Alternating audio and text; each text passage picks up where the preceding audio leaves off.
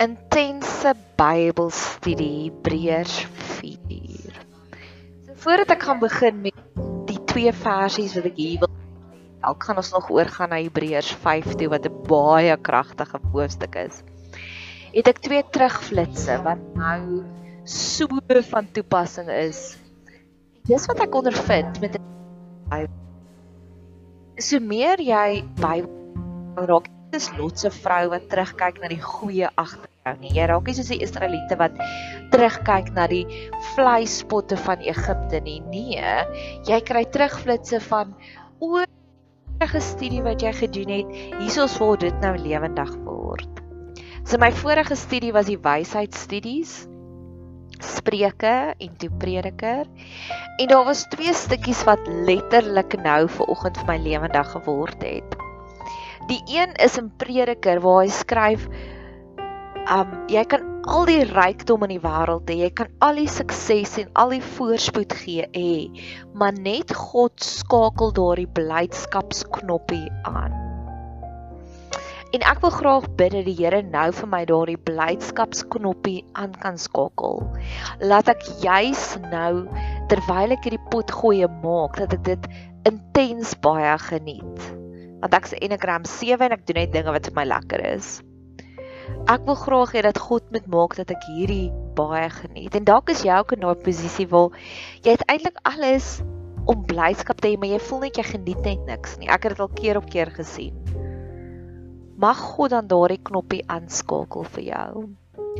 En dan tweede van alles om ook hier in hierdie oomblik teenwoordig te wees. My dag het glad nie uitgewerk soos ek beplan het nie. Ek was eintlik veronderstel om 11uur 'n lewensafrigting kliënt te gaan sien, maar sy het ver oggend gevra om te herskeduleer. So ek het eintlik beplan ek gaan vandag meer net tyd met mense spandeer en nou se ek lekker alleen in God se teenwoordigheid. My en ek sal keer op keer ondervind dat mense wat control freaks is, is mense wat hulle eie lewe nie lekker geskep het nie. En daar's hierdie stukkie in Spreuke waar hy sê fokus op die koeie wat nou voor jou is. My een vriendin se man het gister verjaar en sy het vir my deurgestuur hierdie foto van die mooiste hoenderpastei wat sy gemaak het met 49 op sy ouderdom en 'n fietsie wat sy vir hom gemaak het want hy ry baie aktief fiets. En dit dink ek, Here, dis iemand wat fokus op die koeie wat nou voor haar is. En so sy hierdie hoenderpastei so mooi gemaak het, so wil ek nou hierdie pot gooi so mooi maak en ek wil dit geniet ook terwyl ek dit mooi maak. So selfs die kleinste dingetjies kan ons voor die Here voorbid. In my vorige pot gooi het ek so 'n bietjie oor 'n oor 'n klaagliedere aangegaan van Here, hoekom sukkel ons dan nog steeds so? En ek glo in hierdie een gaan ek dit beantwoord. Hebreërs 4 vers 10 sê.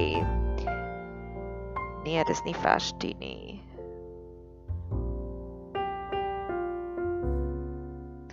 Net so oomblik. My notas is verkeerd. Hebreërs 4 vers 16. Ekskuus, ons gaan nou 'n bietjie rondspring. Laat ons dan met vrymoedigheid na die troon van genade gaan, sodat ons barmhartigheid kan verkry en genade vind om op die regte tyd gehelp te word. Laat ons met vrymoedigheid gaan en ek glo dis hoekom ons baie keer nog sukkel want ons is nie cheeky genoeg nie. Hierso sê die skrywer van Hebreërs ons moet meer cheeky wees ons met meer entitlement hê. Ek kan myself verbaas aan die entitlement van millennials. Van mense wat in hulle 20's is, is hoe hulle net so aanvaar alles is hulle sin. Ek baie keer irriteer dit my, maar 90% van die tye as ek so 'n persoon ontmoet, dan sal ek dink dis dalk hoe die Here wil hê ons moet wees met hom, so cheeky my kathedraals vriend vertel vir my hoe raak hy gefrustreerd want hy sal baie Coke Coca-Cola koop vir hom te geniet saam met sy doppie saam met 'n bietjie ram en dan op die oomblik wat hy nou voel een keer elke 2 weke is nou tyd dan sal hy in sy spens ingaan en dan sy twee studente kinders al die Coca-Cola gery het En as hulle sê, "O, oh, ek koop dit vir myself." En dan sê ek, "Kom sluit dit in die kluis toe." Dan lag hy net vir my, maar daardie vrymoedigheid wat daai kinders het om net in te gaan en hulle self te help sonder om te vra, sonder om ek dink wanneer ons ouer raak en raak ons en veral in die Suid-Afrikaanse burger boere boere gemeenskap, ons is so prim en proper. En ek dink baie keer steel dit van ons want God wil hê ons moet met daai cheekiness ingaan in sy spens en in onsself net help ek is 'n Montigenis en ek hou van ek het dit by my ma geërf. My ma ek kan onthou as ons met vakansie gegaan het en dan sê sy vir my gaan pak jou goedjies, dan gaan pak ek my goedjies en dan kom ons met die by die vakansie aan of ons gaan kamp en dan kyk ek in haar vanity case en dan het haar vanity case altyd die mooiste en die oulikste en die lekkerste goedjies in en dan dink ek myself oh, ek wens ek het ook so slim gekoop en alhoewel my ma sê vir my gekoop het met parke wat ek wou gehad het, sy was net oulik om altyd sulke oulike goedjies saam te vat. En nou doen ek dit in my spreekkamer by my werk. So weer eens ek is 15 jaar ouer as my ander twee jonger kollegas. So ek het my spreekkamer ingerig lekker want ek het dit vir my ma geleer. Ek het vir myself lekker penne gaan koop. Ek het vir myself baie prentjies teen die mure op, so ek het ekstra prestiek daarso en ek het chappies want ek se mondhygiënis ek wil hê my asempie moet altyd lekker vars ruik. En die kougom is 'n interessante storie. En ek het parfuumpies en handeroopies en alles wat lekker is in my spreekkamer. Maar keer op keer sal ek ou kom en dan sal ek gou-gou kougompie wil kou en dan sien ek o, daar's net nog een oor dan weet ek van my jonger kollegas, nie kollegas nie, die een. Ek weet dis net die een. So ingekom het en gekyk het wat is lekker by spreekkommer en homself gehelp het. En ek dink dit is daardie cheekiness wat God wil hê wat ons moet wees voor hom. En sy weet ek's lief genoeg vir hom. Laat ek gaan net giggel daaroor. Mag ons meer wanneer ons hierdie jong mense sien, hierdie tieners wat net so glo alles is hulle sin. Hulle het reg tot alles. Mag ons nie veroordelend kyk nie. Mag ons agteroor sit en sê ek dink ek moet by jou leer.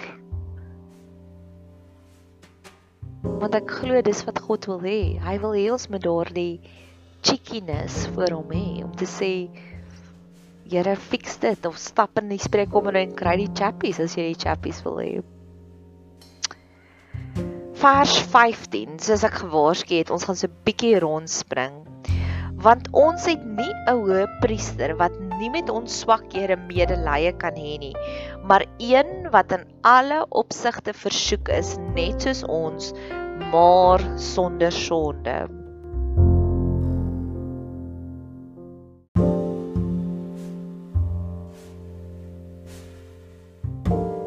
So in die vorige pot gooi het ek daaroor gepraat dat Jesus wil ons help met elke versoeking.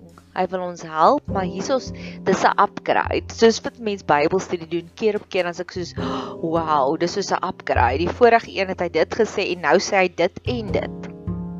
So ek het weer eens uit die prentjie van die engeltjie en die duiwel wat op ons skouers sit. En elke keer wanneer daai duiwel sy mondjie oopmaak, is Jesus nie net gereed om ons te help nie. Hy sien die versoeking en hy wag en hy dink, "Gaan sy nou vir my vra om te help?" En hy in die vorige een sê net hy gaan ons help. In hierdie een sê hy hy het medelee ook met ons. So hy het, hy wil nie net help nie, hy het nie net 'n oplossing nie. Hy gaan ons laat beter voel oor hierdie versoeking. My prentjie hier wat ek het is die prentjie van die engeltjie en die duiweltjie op die skouers, maar ook 'n prentjie van Disney se prinsesse pleisters.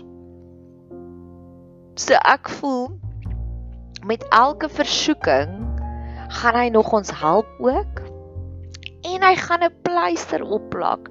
Ons gaan kyk na daai pleister en dink, "O, oh, wow, dis so cute." Eintlik is ek bly dit het nou gebeur. Ek het 'n paar weke terug was ek in Makro en ons het 'n sambreel gaan koop en op 'n stadium met ons nou as jy nou ooit weer 'n makro is, hier's ons 'n geheime detail wat ek dink nie baie mense weet nie. Hulle het stoorkamers bo op van die sekere arenas. So hierdie was by die buitemuur se meubels het ons gestaan en dan het hy so dakkie op en as jy mooi genoeg kyk sal jy sien daar's 'n leertjie en dan kan jy bo op die dakkie gaan staan en bo op die dakkie stoor hulle die ekstra sambrele en die ekstra meubels. En ons is toe nou op met die trappies bo op hierdie dakkie en daar kon ek die mooiste uitsig sien in die makro van al die stoorkamers waar hulle oral dinge ingestoor het op stallasies ekstra voorrade. En ek het 'n 360 grade video daarvan gemaak en ek het besef dat God het groter stoorkamers van oplossings vir al ons probleme. Eckhart Tolle het keer op keer in sy teachings sal hy sê mediteer op oorvloed want dis hoe jy dit nader trek.